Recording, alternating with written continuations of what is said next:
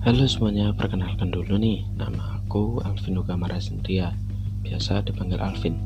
Aku mahasiswa ilmu komunikasi di Universitas Muhammadiyah Surakarta.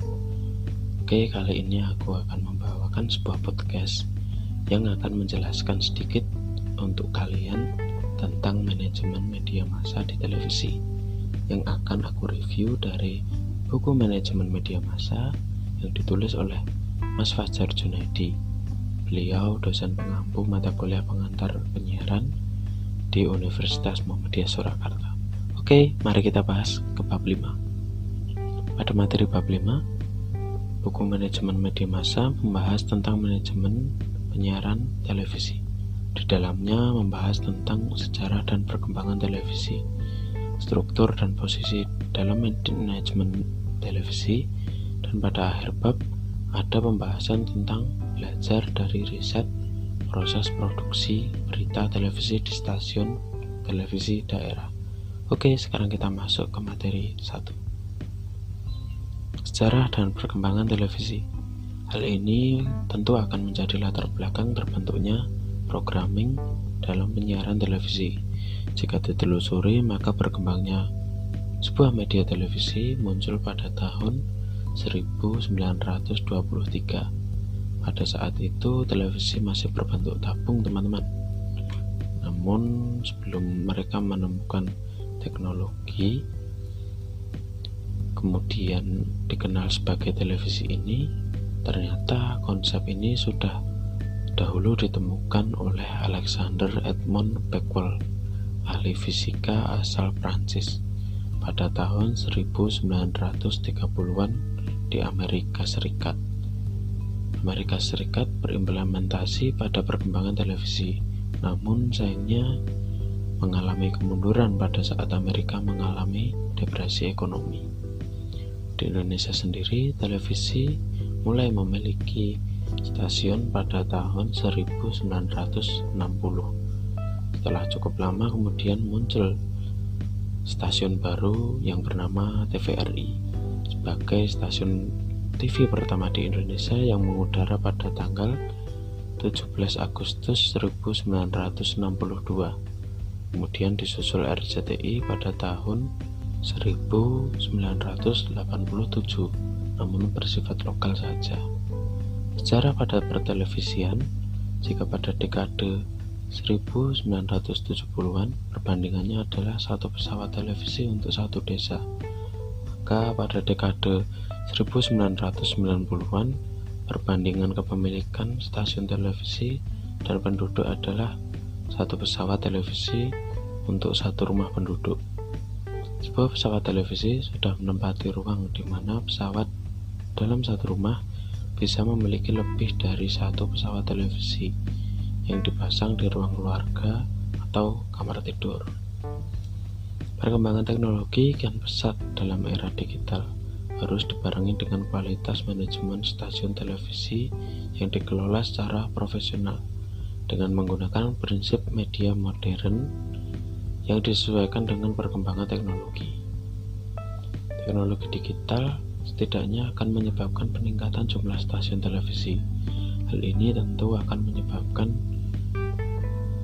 karena digitalisasi memberikan efisiensi dalam penggunaan frekuensi sehingga satu frekuensi yang hanya dapat digunakan oleh satu siaran dialog bisa dilipat gandakan menjadi 12 program siaran dengan asumsi penggunaan teknologi sekarang.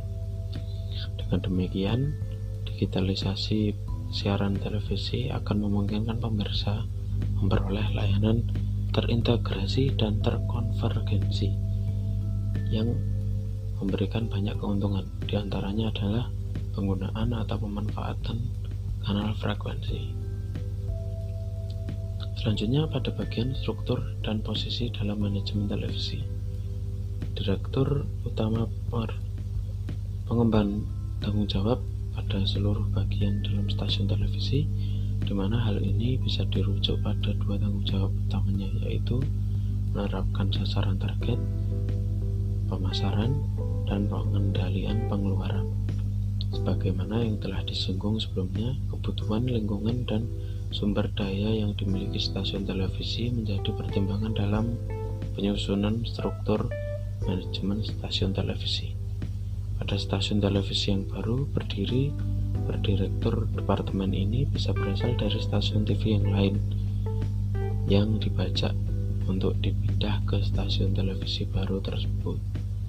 Namun dengan terbatasnya sumber daya manusia di bidang manajemen penyiaran televisi di Indonesia, terutama sebagai implikasi booming pada stasiun televisi pasca reformasi.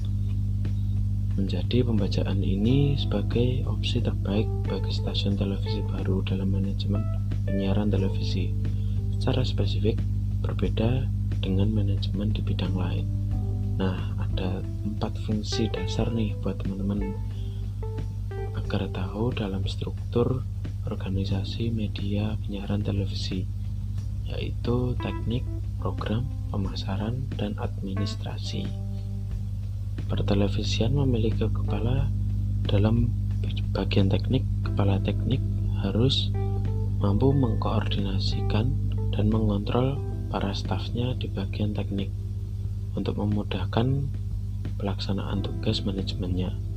Kepala teknik dibantu setidaknya dua orang, yaitu pada sebagian yang mengurusi urusan teknik dan satu lagi yang mengurus pemeliharaan alat selanjutnya adalah bagian program siaran. Pada divisi pemasaran dan penjualan program televisi bagian ini memiliki tugas untuk menjual program-program yang dimiliki oleh stasiun televisi pada pengiklan. Terakhir divisi administrasi bagian ini mengemban tugas dalam fungsi-fungsi organisasi yang berkaitan dengan fungsi administrasi. Fungsi administrasi ini meliputi tanggung jawab pada pengelolaan sumber daya manusia, pembukaan, pembayaran gaji, dan pengelolaan anggaran.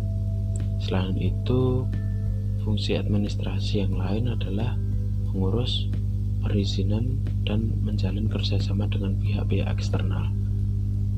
Wah, gak terasa ya ini kita mulai paham tentang manajemen di televisi. Oke, saatnya kita berpisah. Sampai jumpa di podcast podcast selanjutnya. Dan see you. Terima kasih teman-teman sudah mendengarkan podcast kali ini.